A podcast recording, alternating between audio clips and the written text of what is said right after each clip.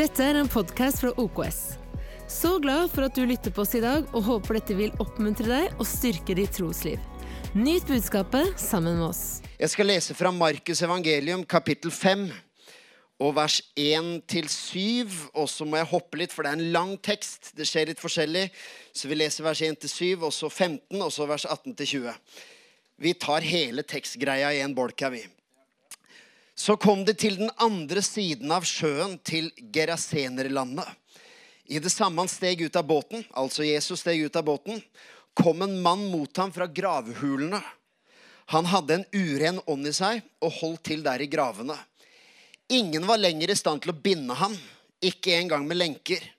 For han var ofte blitt bundet med fotjern og lenker, men lenkene rev han av seg, og fotjernene sprengte han. Ingen klarte å rå med han. Natt og dag for han skrikende omkring i gravhulene og i fjellet og skamslo seg selv med steiner. Da han fikk se Jesus langt borte, kom han løpende, kastet seg ned for ham og ropte høyt.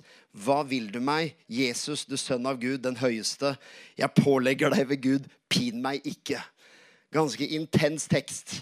Og så skjer det at Jesus driver demonene ut av denne mannen, og vi hopper til vers 15.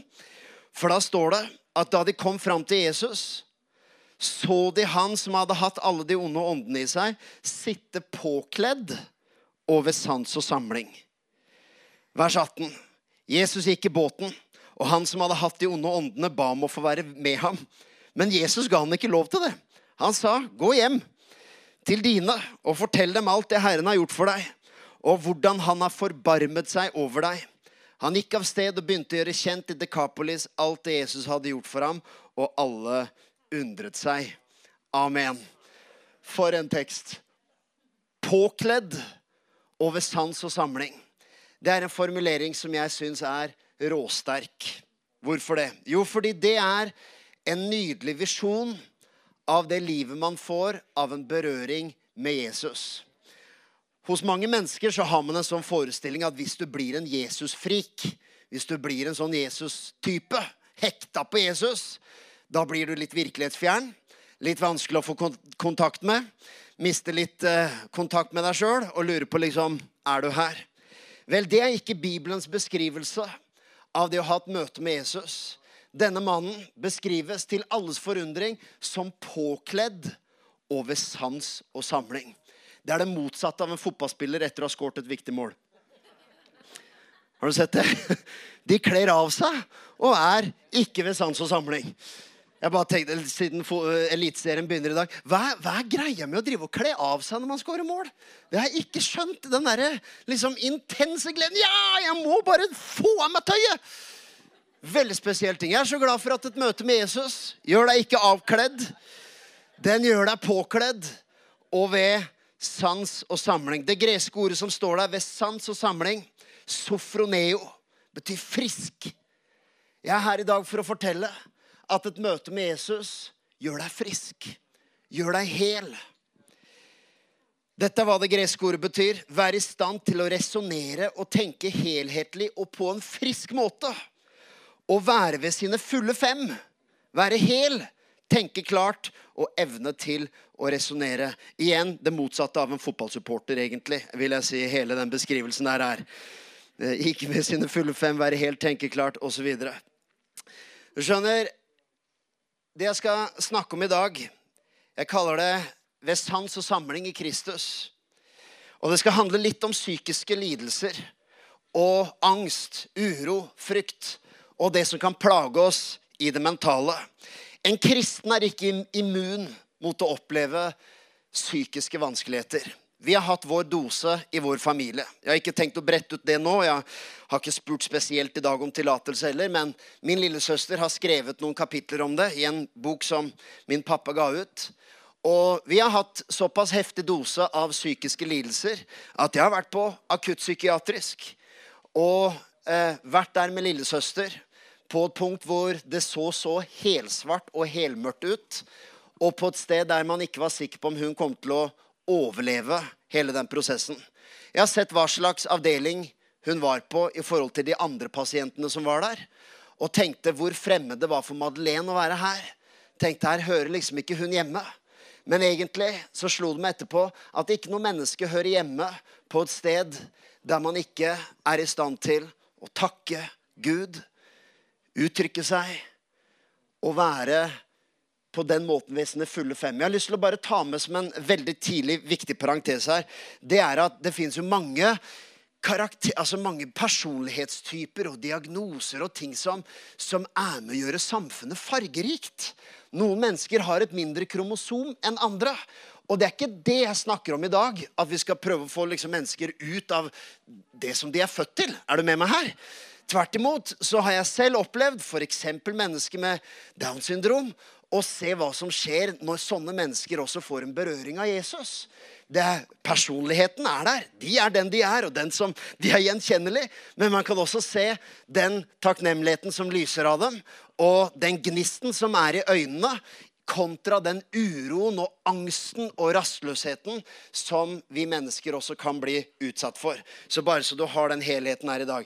Når vi gifta oss, jeg og Katrine, før vi gifta oss, så sa Katrine til meg Hun fortalte at hun hadde papirer på at hun var mentalt frisk.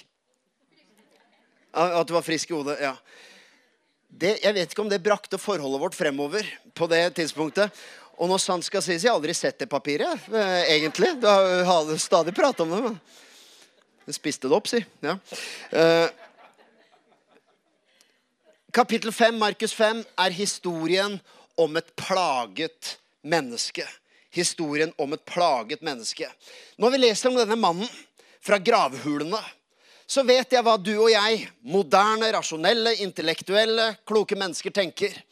Det er veldig vanlig å tenke sånn når man leser denne typen bibeltekster også. Det er nemlig at den gangen så tenkte de nok bare at alle typer mentale plager var demoner. At de var så overåndelige og så på en måte hadde ikke den kunnskapen vi har i dag, så de bare kalte det demoner. Det er ikke riktig. Faktisk er det sånn at f.eks. i Matteus 4 så står det beskrevet ulike plager som Jesus helbredet. Og det blir ramset opp forskjellige ting. Det står rykte om Jesus spredde seg over hele Syria. Eh, og eh, det står kanskje Matteus 24. Jeg tror det er Matteus 4. Ryktet om han spredde seg over hele Syria. De kom til ham med alle som hadde vondt og led av forskjellige sykdommer og plager. Både de som hadde onde ånder, de månesyke og de lamme. Og han helbredet dem. Nå skal ikke vi gå inn i dyp analyse av hva månesyke er for noe. Ofte står det i en fotnote i Bibelen din at det er en form for epilepsi. Det er kanskje en litt smal beskrivelse, men det var mennesker som hadde ulike former for anfall. Og det blir skilt mellom de menneskene som var plaget av onde ånder, og de som hadde månesyke. I dag er ikke det så viktig denne prekenen. at vi, vi, vi skal ikke, Det har ingenting for seg i dag å begynne å granske hver demonisk og hver på en måte bare psykiske plager. Én ting er sikkert Jesus helbredet dem alle. Jesus kom for ånd, sjel og kropp. Han kom for å gjøre oss hele. Og Noen ganger er det ikke konstruktivt å overanalysere i det hele tatt hvor plagen kommer fra, men å se til han som er doktor Jesus. Han helbredet dem alle. Amen. Men i dag, selv om jeg overhodet ikke tenkt å forenkle også komplekse plager og angst og uro som mennesker kan ha båret på i årevis, så skal ikke jeg prøve liksom bare gi en sånn enkel quick fix-svar. Men det er noe med den moderne tilnærmingen som er veldig fattig. For vi søker jo på alle mulige måter å forklare alt gjennom det rasjonelle. Vi setter enorm tillit til terapi og naturlige forklaringer. Og la meg si i dag med store blokkbokstaver alle som jobber som psykiater, med terapi og psykologer, de er partnere for oss som driver kirke. Vi heier på dem. Må Gud gi dem kunnskap og visdom og innsikt og forståelse. Og vi samarbeider med dem ved mange mange anledninger. Vi har godt utdannede mennesker i kirken som jobber med menneskers sinn. Og noen ganger har de kunnskap og innsikt på ting som er veldig veldig relevant for å hjelpe mennesker fremover og til å hjelpe mennesker i samtaler osv. Likevel, når man ser, hvis man liksom zoomer ut litt og ser på samfunnet vi lever i i dag, så er på en måte ønsket om å holde enhver åndelig forklaring Å holde enhver åndelig forklaring unna, den er veldig sterk. Um, så man setter sin lit til vitenskap og kunnskap og forskning, og alt dette er fint. Men så kan man jo spørre ja, hvordan går det, da? Hvordan står det til? Og jeg, jeg, har egentlig, I forkant av prekenen så har jeg henta inn masse data og tall. Jeg skal, ikke, jeg skal, ikke, lese opp alt det. Du kan finne en del på Folkehelseinstituttet, på FHI, hvor de skriver noe statistisk om hvordan det er i vår vestlige, moderne kultur. Og én ting er sikkert, at vi vil holde all åndelig kunnskap utenom. Det har ingenting med det åndelige å gjøre. Alt kan løses gjennom terapi og gjennom kunnskap og gjennom psykologien. Og så går alle rundt og har angst. Og man lurer på hvordan, hvordan går det med kunnskapen vår? Hvordan klarer vi å bringe legedom til samfunnet? Og ifølge FHI så kommer halve befolkningen i løpet av sin ledetid til å ha en eller annen form for psykisk lidelse, ifølge dem. Dette er utbredt. Mange slår varsko om unge menneskers psykiske helse. Både, og mange kobler det til utvikling med sosiale medier osv. Én ting er sikkert, man klarer å ha kunnskapen om det og analysere det, og så står man der og klør seg litt i huet. Hva skal vi gjøre? Fordi du kan jo finne forklaringen, og du kan finne diagnosen, og du kan finne røttene, og du kan finne årsaken. Mennesker lider pga. sånn og sånn og sånn. Og man finner sosiologiske årsaker. årsaker man finner psykologiske årsaker, eh, årsaker. Man ble avvist, man ble ikke elsket nok, man ble utsatt for diverse hendelser. Så står man med hele analysen og har funnet et ord for Og hva gjør vi nå, da? Og så fins det gode måter og gode metoder som også veileder og hjelper mennesker. Men her er det som slår meg. Dette er oppsummeringen, for det er masse mer å si om det jeg nettopp har sagt. Her er oppsummeringen at midt i vårt intense ønske om å holde det åndelige utenfor, så er det ironisk hvor hjelpeløst samfunnet er i møte med psykiske lidelser. Også de som kan mest om dette, står av og til med utslåtte hender og lurer på Vi, vi, vi får ikke stoppa snøballen fra å rulle når mennesker har angst og uro og lider ensomhet. Koronapandemien hjalp for noen, mens for andre var det en forverring av situasjonen. Alle som jobber i psykiatrien, de vet det samme som vi leste i Markus 5. At samfunnet klarte ikke å hjelpe. Man visste ikke hva man skulle gjøre. De hadde prøvd å binde alle, og jeg vet at dette tilhører heldigvis et fåtall, men alle som kan noe om dette, vet at det fins utallige situasjoner der man har ikke noe annet virkemiddel enn en sprøyte. Man står hjelpeløs og vet ikke hva man skal gjøre for å berolige en pasient. I dag ingen intensjon om å begynne å overåndeliggjøre ting eller å granske liksom detaljert i de tingene. Men det er likevel, tror jeg, å forstå at all uro, all angst og alt som på en måte prøver å undertrykke et individ, har også med en åndelig dimensjon å gjøre. Det behøver ikke bety at du er plaga av demoner. Det betyr bare at fiendens og djevelens agenda alltid vil være å undertrykke mennesker. Djevelens agenda vil alltid være å holde deg søvnløs. Og alltid holde deg på alerten og gjøre deg urolig. Og en ting er sikkert, Samfunnet klarte ikke å hjelpe mannen i Markus 5. Ingen var lenger i stand til å binde ham. Og vi sitter oss i dag i verdens rikeste land med all verdens ressurser, skulle man tro. Og likevel klør man seg i hodet og sier statistikken går feil vei. Så uansett hvordan du vrir og vender på det, så er dette ren matematikk. Og det er at vi med all vår kunnskap ikke har klart å løse problemet. Så er det da litt arrogant, kanskje, å sette så enorm tillit til kun det faglige. Jeg tror på faglige pluss Gud. Jeg tror at Gud utruster mennesker med faglig kunnskap. Så det er ikke engang i motsetning. Det er ikke én pluss én. Det er av Gud, akkurat som han gir oss medisiner. Og Gud, eh, håper å si, enhver lege har samme yrke som doktor Jesus. Så de er samarbeidspartnere. Og samme gjelder det med mennesker som jobber med det mentale. Men summa summarum så er det likevel sånn Det blir på en måte en moderne arroganse og si at vi med vår kunnskap skal nok klare å fikse dette her. Min påstand i dag er at vi trenger et evangelium.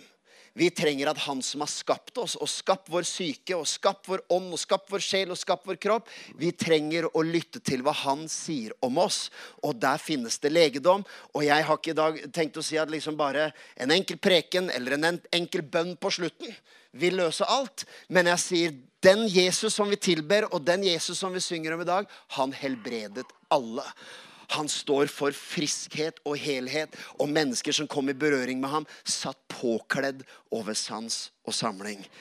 Det er vårt evangelium. Det er det vi tror på. Amen? Så fire ting. Påkledd over sans og samling i Kristus. Nummer én legedom i å forstå Guds hjerte og Guds intensjon for deg. Veldig enkelt punkt. Dette er en enkel åpenbaring. Dette er ikke noe fem teknikker til ditt eller datt. Dette er bare en enkel proklamasjon av hva som er Guds hjerte for din mentale helse. Vet du hva Salme 34, 19 sier? Det står 'Herren er nær hos dem som har et nedbrutt hjerte'. Han frelser dem som har en knust ånd. Vet du hva det forteller meg? Det forteller meg et par ting. For det første så forteller det meg at som kristen så behøver ikke du være redd for å fortelle noen at du har en knust ånd og et nedbrutt hjerte. Det står at Gud er nær hos deg. Det er en enkel sannhet. Men akkurat som i resten av samfunnet, så kan jo kirken også bli et sted der man er livredd at noen skal se det ikke er ok. Det kan, og Av og til er det lett å skylde på kirka. og ja, man kom der med sin prektige fasade. Nei, du skjønner, det er menneskets synd som gjør at det er sånn. Vi, vi, er skrudd sammen sånn at vi vil vise oss fra vår beste side når vi møtes. Sånn er det bare. Og kirken, akkurat som alle andre arenaer i verden, kan bli en arena der du håper å si, tørker tårene i bilen, retter det opp i ryggen og prøver å se hel ut og frisk ut idet du går inn døra. Det er menneskelig, og det er naturlig. Men jeg er også her i dag for å fortelle deg ikke at du nødvendigvis skal brette ut hva du føler til alle, men jeg er her for å fortelle deg at det er ingen skam i Guds rike å ha nedbrutt ånd. Gud har løfter til deg. Ellers hadde ikke disse versene behøvd å stå der. De står der fordi det er mennesker med nedbrutt ånd. Det kan være enkelthendelser, eller det kan være irrasjonelt. Noen ganger så kommer angst og uro av årsaker du ikke engang klarer å analysere. Det er nok å leve i 2023 og lese nyhetsmedier. Så har du en god forklaring på hvorfor mennesker kan kjenne på uro. Men vet du hva det står i Salme 147, 3? Det står at han leger dem som har et knust hjerte, og forbinder sårene deres. Jeg er her for å proklamere at det finnes legedom for et sønderbrutt hjerte. Det er vanskelig å slippe til legedom når man gjør alt man kan for å kamuflere det. Det er noe med at lyset får lov å skinne på de stedene hvor det er behov for legedom. Og nok en gang, Jeg sier ikke nødvendigvis at du skal ta en mikrofon og brette ut for alt og alle. Men det er i vår materialistiske, moderne, også i stor grad kultur der det på en måte kan være litt status å være hel. At vi har det godt. Hvor det kan være litt skambelagt å lide og si at jeg, det er greit, men, liksom, jo, men det, det, er greit at noen andre kan fortelle at de hadde angst, og så kan jeg be for dem, og så kan jeg være en av de sterke som stiller opp for dem. Men å skulle åpne munnen og si jeg tror jeg er en av de som trenger legedommen for de med et sønderbrutt hjerte, det kan jo nesten være litt sånn unorsk. Litt sånn hva skal jeg si usuksessrikt. Noe med imaget som rett og slett ikke ønsker det. Og Derfor tror jeg at disse versene står til oss også som en påminnelse på at nei, vet du hva? Kom til meg, dere som strever og bærer tunge byrder. Skjønner, det er vanskelig å komme til Jesus med tunge byrder hvis du later som om du knapt har sett en byrde de siste årene og mestrer alt og får det til. Nei, kom til meg. Skjønner, Det er av og til sånn at de som hang rundt Jesus de kunne, det hadde det en helt annen preken på en DNA-kveld for noen måneder siden. Men jeg snakka om hvordan det var legedom omkring Jesus. Men det var ikke alltid like lett å stelle seg ved Jesus. Fordi han tiltrakk seg syke, han tiltrakk seg lamme, han tiltrakk seg blinde, han tiltrakk seg fattige, han tiltrakk seg tiggere. Det kunne være litt vanskelig som fariseer, velstående, økonomisk vellykket, velkledd, å komme og stelle seg i kø med den gjengen. Er du med? Det kunne være en stolthetsknekk å si 'Jeg trenger også en sånn kølapp. Jeg også trenger hjelp av han'. Det er lettere å si at nei, liksom Gud velsigna alle de der som lider, men heldigvis er jeg i det øvre 30 %-sjiktet av samfunnet her. Jeg vet du hva? Noen ganger for å ta imot legedom Jeg har sjøl sett med egne øyne hvor psykisk skadelig det kan være å leve dobbeltliv. Både i forhold til synd og umoral, og sånne ting, men å leve dobbeltliv i forhold til at jeg har kaos i denne siden av livet, men med en gang jeg åpner døra eller legger ut en Instagram-post, så er det ikke måte på hvor vellykket det er. Den, den dobbeltheten der kan være veldig veldig skadelig for din mentale helse, for du går hele livet og prøver å spille et skuespill. Og jeg, som sagt, Det er naturlig at når vi går ut døra, at vi kler på oss og stæsjer oss opp. At vi på en måte ikke viser alt til enhver tid. Men jeg er også her i dag for å fortelle. Vær så snill. La fasaden gå. Kom som du er. Bring dine byrder til Jesus. Det fins frihet der. Du har ingenting å tape. Du har alt å vinne. Fortell noen om et sønderbrutt hjerte. Fortell noen om dine tårer. Og ikke tenk at det er et kristent nederlag. Nei, det er, en, det er ikke en dag av nederlag for deg når du kommer og erkjenner din smerte. Det er en dag av et gjennombrudd. Det er en seiersdag i ditt liv. Når du hadde guts og nerve nok til å si 'Jeg er blant de som trenger at han forbinder mine sår'. Det er en gjennombruddsdag og en seiersdag i ditt liv. Men Guds hjerte for deg er legedom. I kirken så kan vi gi hverandre omsorg. Absolutt. Vi kan lytte. Det er ikke sånn at vi alltid må umiddelbart gå til miraklet. Men én ting er sikkert. Guds hjerte for deg er ikke bare at du skal bli trøstet, men at du skal bli gjort hel. Jesus døde for oss fordi han elsket oss, men han sto opp fra de døde fordi han har kraft til å gjøre ting helt igjen. Du skjønner, Jesu død er en kjærlighetshistorie. Jesu oppstandelse er en frelseshistorie. Hvis du trenger en påminnelse om hvor høyt Jesus elsker deg, se på korset og det han gikk gjennom. Men hvis du trenger en påminnelse om hvilken kraft og autoritet det er i navnet Jesus, se på oppstandelsen og vite at det finnes alltid et håp. Korset er tilgivelse for hele min fortid, men oppstandelsen er håp for hele min fremtid. Så vi er ikke bare her for å si stakkars og omsorg og trøst, selv om det er en viktig del av kristen nestekjærlighet. Vi er her også for å si at den oppstanden Jesus, han kan og han vil bringe legedom i ditt liv. Amen. Takk. 3. Johannes 1-2, et kjent vers for mange. Du elskede, jeg ber om at du må ha framgang i alle ting og være ved god helse, slik som også din sjel har det godt. Dette er riktignok en hilsen fra forfatteren av, fra Johannes til menigheten, men dette sier også noe om hva en kristen hilsen er. Hva en bibelsk hilsen er. Hva, et, hva Guds hjerte for oss er. At vi skal i alle ting ha det godt, liksom vår sjel har, har det godt. La meg hoppe til nummer to. Jeg skal speede opp hvis det er mulig. Legedom ved fornyelse av sinnet. Skjønner, Vi kan be for hverandre. Be om helhet og legedom. Men den måten som vi blir brakt til helhet og friskhet i Jesus Kristus, er ved at det skjer en gradvis utskiftning av tanker. Og selv om ordet 'prosess' kan være litt kjedelig, så er det en prosess. Som regel vil vi gjerne ha det plutselige. Men du skjønner ofte så er det sånn at når ting får lov å være en prosess, så skjer det noe som er enda mer dyptgripende.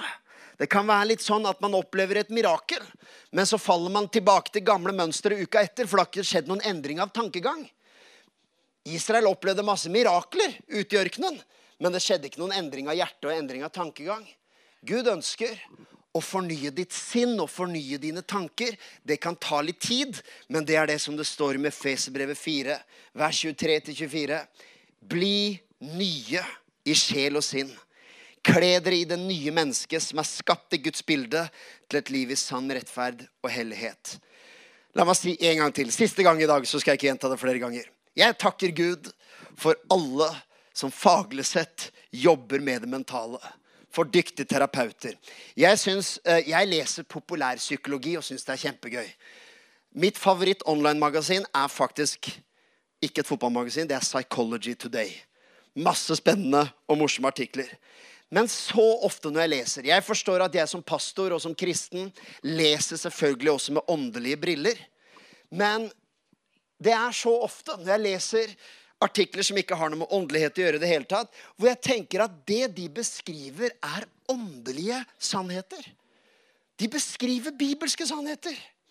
Når det gjelder hva som er roten til angst og uro, så er Bibelen f.eks. veldig klar på at bitterhet kan være en rot til psykisk uhelse. Det å hate noen. Det å leve i sinne Og man kan faglig sett analysere at det er grunnen til at du lider. Jo, men hva er det som kan fjerne det?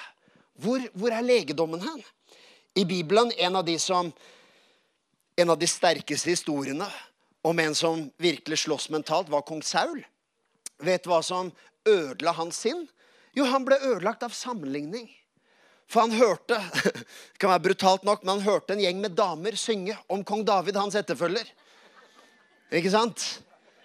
Bare det kan være traumatiserende. Som hørte en gjeng kvinner synge om kong David, om at han slår titusener, mens Saul bare slo tusener. Men det er en interessant historie, for det setter seg noe i Saul sitt hjerte som er veldig brutalt, som der og da kan se ut som en liten ting, men som vokser og vokser og blir til en total angstkilde i Saul sitt liv. Hvor han til slutt blir farlig. Og han blir en forfølger av David. Prøver å ta livet av han, for han ser på David som en sånn trussel mot hans egen status. Så jeg mener historien er veldig åpenbar jakten på status og anerkjennelse og popularitet og de ytre tingene kan gjøre mennesker syke til sinns. Det kan bli en sånn besettelse etter likes. Ja, David fikk tusener av likes, mens jeg fikk bare tusener av likes. Den besettelsen satte seg hos Saul. Og i stedet for å hente sin verdi i at han var salvet av Gud, så begynte han å hente sin verdi i hvor mange mennesker synger om mine meritter. Det satte seg i han, og det ble sykelig. Ironisk nok så er det Saul som kommer og spiller lovsanger. Spiller på harpen. Og helt åpenbart beroliger Saul gjennom sin musikk. Fantastisk. Nå tror jeg at musikk, Man kan si musikk er musikk, men det finnes også mennesker som er kalt av Gud til å spille hymner, lovsanger, åndelige viser, bringe fred, bringe ro gjennom gudsinspirert lovsang, tilbedelse og instrumenter. Jeg tror på det. Og David han gjorde dette for Saul. Men vet du hva som var hele roten til hans uro og hans angst? Det var sammenligning. Skuffelsen av å ikke oppnå det som han hadde ambisjon om. Fasade, rett og slett. Jeg har sett det sjøl med egne øyne. Hvordan i vår kultur og vår suksessjaktende kultur skuffelsen av å nå en viss alder og ikke ha nådd de målene man skulle ønske seg. Kall det gjerne 40-årskrise, 50-årskrise. Og man kan smile litt av det og si at ja, liksom 50-åringen må ha en tatovering osv. Men det stikker litt dypere enn det noen ganger. Så må de av og til ha en tatovering. La dem gjøre det. Bare la dem tatovere seg. Det hjelper, skjønner du. Har du, har du, en far i en 50-årskrise, la han få en ørn på skulderen. Det kommer til å gjøre han så glad. Eller, eller, eller la han få kjøpe en, en billig motorsykkel av noe slag. Han kommer til å bli så lykkelig på den. Men vet du hva? jeg har også sett at det kan stikke veldig, veldig, veldig dypt. Følelsen av at jeg burde vært her. Og min gode venn fra ungdommen han har kommet så langt og tjener så mye og bor på den adressen, mens jeg er her. Og så kan du se hvordan det blir sykelig og gnager og gir uro. Hvordan vet jeg alt dette? her? Jeg leser Psychology Today og Bibelen. Men det er sant. Alt dette som Bibelen snakker om. På hvilken måte da? Jo, dette forteller meg nemlig For vi snakker om fornyelse av sinnet. Og jeg har bare noen minutter igjen. Men fornyelse av sinnet. Vet du hva som er ingrediensen som fornyer sinnet? Når jeg leser alle disse tingene som skaper uro, angst, mindreverdighet, sammenligning Vet du hva? Godt av banen rettferdiggjørelsen i Jesus Kristus. For en medisin for vår psykiske helse! Og du tenker rettferdiggjørelsen. Jeg kan ikke utdype nå, men eh, Romerbrevet 5.1 sier da vi altså er blitt rettferdiggjort av tro, har vi fred med Gud ved vår Herre Jesus Kristus. Ved ham har vi også ved troen fått adgang til denne nåde vi står i. Rettferdiggjørelsen det kan vi snakke om et helt liv. Men det er den komplette omfavnelsen, vissheten av at du er fullkommen i Gud. Ikke pga. dine gjerninger, men pga. det Jesus Kristus har gjort. Uansett hvor langt jeg har kommet, eller hvor kort jeg har kommet. Hvor mange ganger jeg har falt, eller hvor mange ganger jeg klarte å stå oppreist. Jeg er rettferdiggjort ved tro. På grunn av hans rettferdighet har jeg fred med Gud. Den setningen der er så enorm. Vi er blitt rettferdiggjort av tro. Da har vi altså fred med Gud. Vet du at det kommer en mental ro når du forstår at du er rettferdiggjort. Du får mindre å bevise. Du får mindre angst for hvor langt de andre har kommet. Du får litt mindre angst for å vise fram den ytre siden og gjemme denne indre siden. Du får en ro over at da jeg altså er rettferdiggjort av tro, har jeg fred med Gud. Det betyr at jeg kan slutte å sammenligne meg. Hvorfor skal jeg sammenligne meg? Jeg har nådd rettferdighet i Jesus Kristus. Jeg kan få lov å løpe det løpet han har for meg, uten å skule bort til alle de andres løpebaner. Fordi jeg har allerede vunnet seiersprisen. Jeg er rettferdiggjort. Det er fullkomment. Jeg fikk gullmedaljen på startstreken. Nå kan jeg få lov å løpe mitt løp. Jeg er rettferdiggjort ved tro. Ambisjoner, personlige ambisjoner, det er kjempebra. Jeg tror på å sette mål og ha ambisjoner og hele pakka. Men når jeg henter min verdi i dem, så kan de også være kilde til utrolig mye angst. Derfor er det så nydelig. Jeg kan hente min verdi i min rettferdighet i Jesus Kristus. Kan du se hvordan å begynne å bade tankene dine, bade sinnet ditt i rettferdiggjørelse? For en medisin! Det kommer til å gjøre deg hel. Kommer til å gjøre deg ved sans og samling.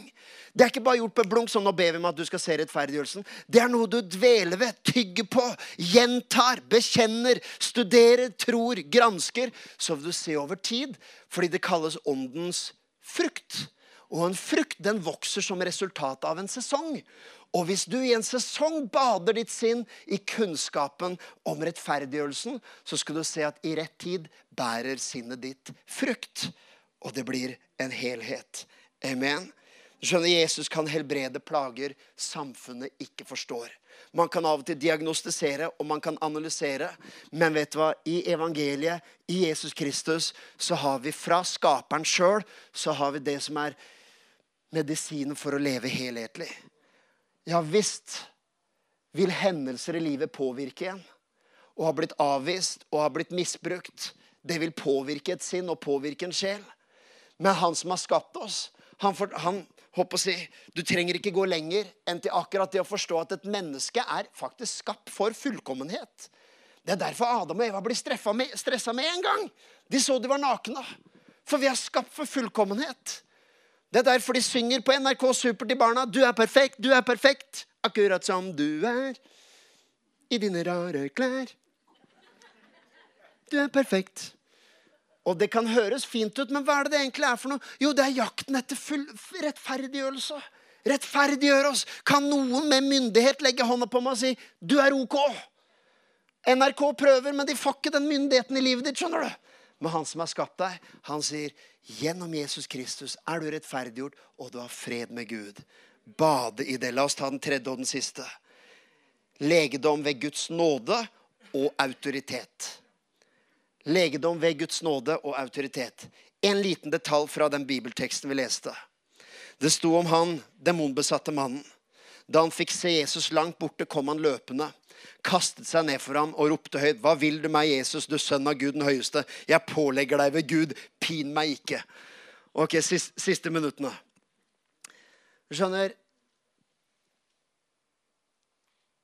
I vår kultur, og også i kirker som vår, hvor vi tror på Gud, vi tror på djevelen, vi tror på at det fins en reell kamp om menneskers liv, så er vi forsiktige med å snakke om djevelen. Og det er litt lurt noen ganger òg. Fordi er det noe som kan være skadelig, så er det for folk å bli veldig djevelfokusert. Og kristne som ser djevelen bare vaskemaskinen går i stykker. Og det er djevelen når man skal skifte vinterdekk, og det er djevelen her og djevelen der. Er, man blir ikke friskere av det, skjønner du. Av å se hornulf på hvert gatehjørne. Men det fins også en annen grøft. Å totalt ignorere en åndelig dimensjon. Og Derfor så sier jeg det med veldig sånn ikke karismatisk. Jeg sier, Det er viktig å forstå at det foregår en kamp om sjela di. Det foregår en kamp om folks sinn. foregår en kamp mellom det gode og det onde. Og jeg sier ikke ja, vi er de gode og de eh, andre er de onde. Jeg sier vi alle var onde. Det er det som er evangeliet. Det var ikke vi som var de moralsk oppegående mot de moralsk synderne der ute. Nei, vi alle har syndet oss uten ære framfor Gud. Derfor så er jeg bare en av de som sier jeg er akkurat som deg. Men vet du hva? Jeg har funnet han som er fullkommen. Jeg har funnet han som gir nåde. Derfor så sier jeg dette her. Det er en reell kamp mellom djevelens agenda for menneskers liv og Guds agenda for menneskers liv.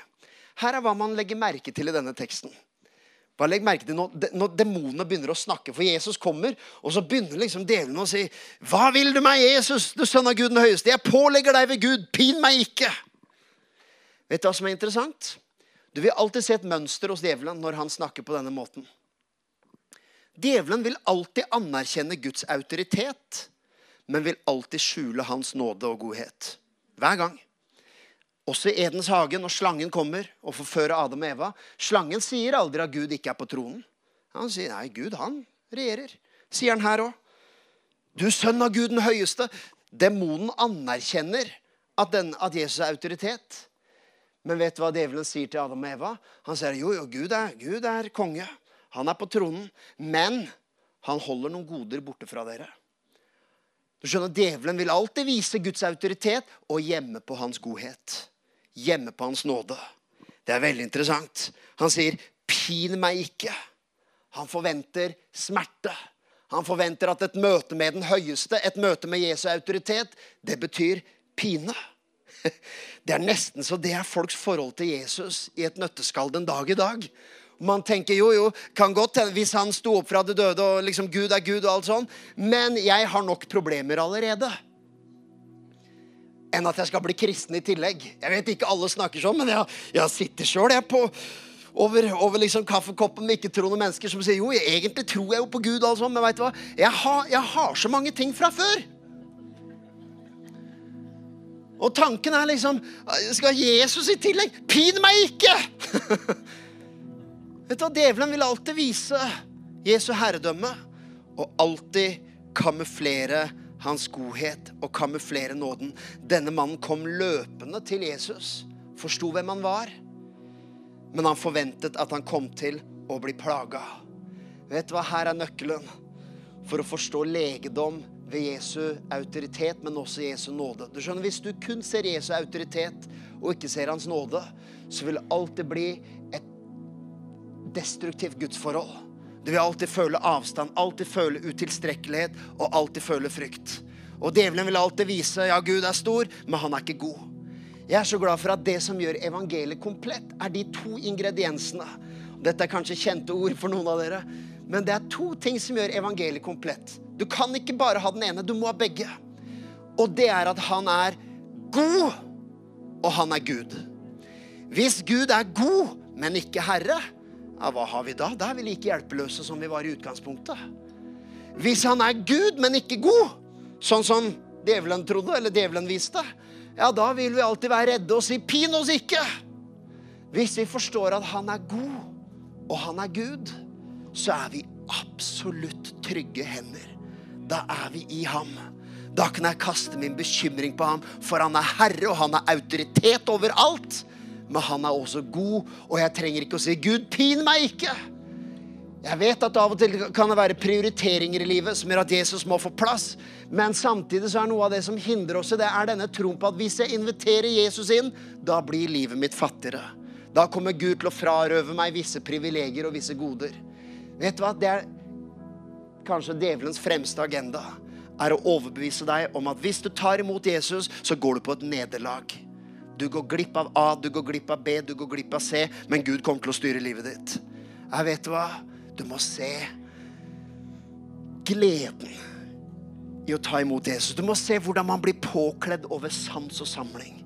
Og det som til og med skjer til slutt, er at denne mannen blir ansvarliggjort og sendt av gårde. Han har lyst til å bare følge etter Jesus. Og jeg har bare lyst til å være ditt nærvær, Jesus. Og Jesus sier nei, gå av gårde. Han sender han til at han kan gå i det han er kalt til, og det han, er, han har gave på. Og sånn er det med deg også.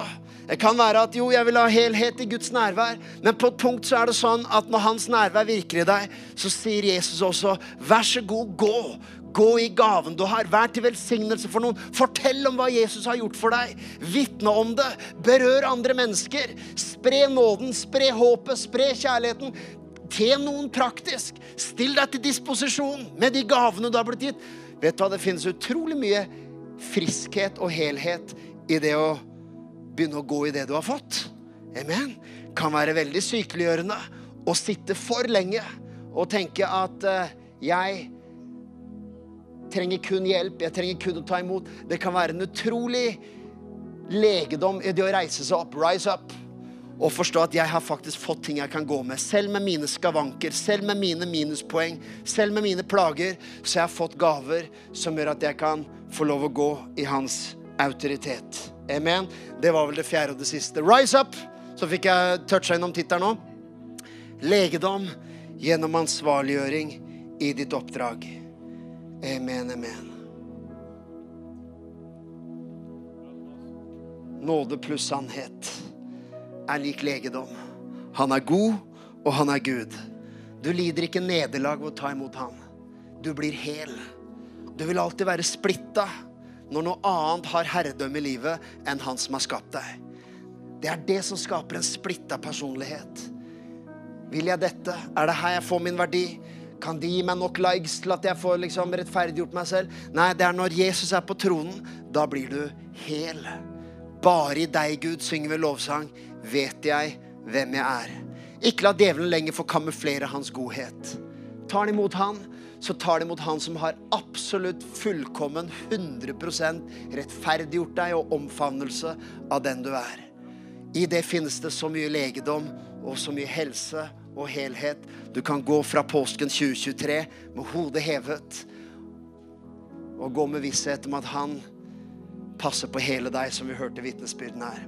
Kan du se hvordan de fortellingene i dag også er i bra altså, Vivalda og Eldor sitt vitnesbyrd passer bra med det jeg har delt.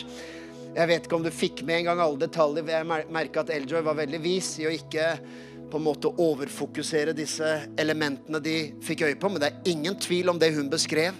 En helt reell hendelse der denne i dette rommet og denne dama er plaget av åndelige krefter.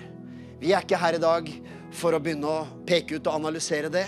Alt jeg sier til deg, er at Jesus Kristus, han bringer legedom til ånd og til sjel og til kropp. Amen. Amen. Og det er en reell fight for ditt sinn og for din helse.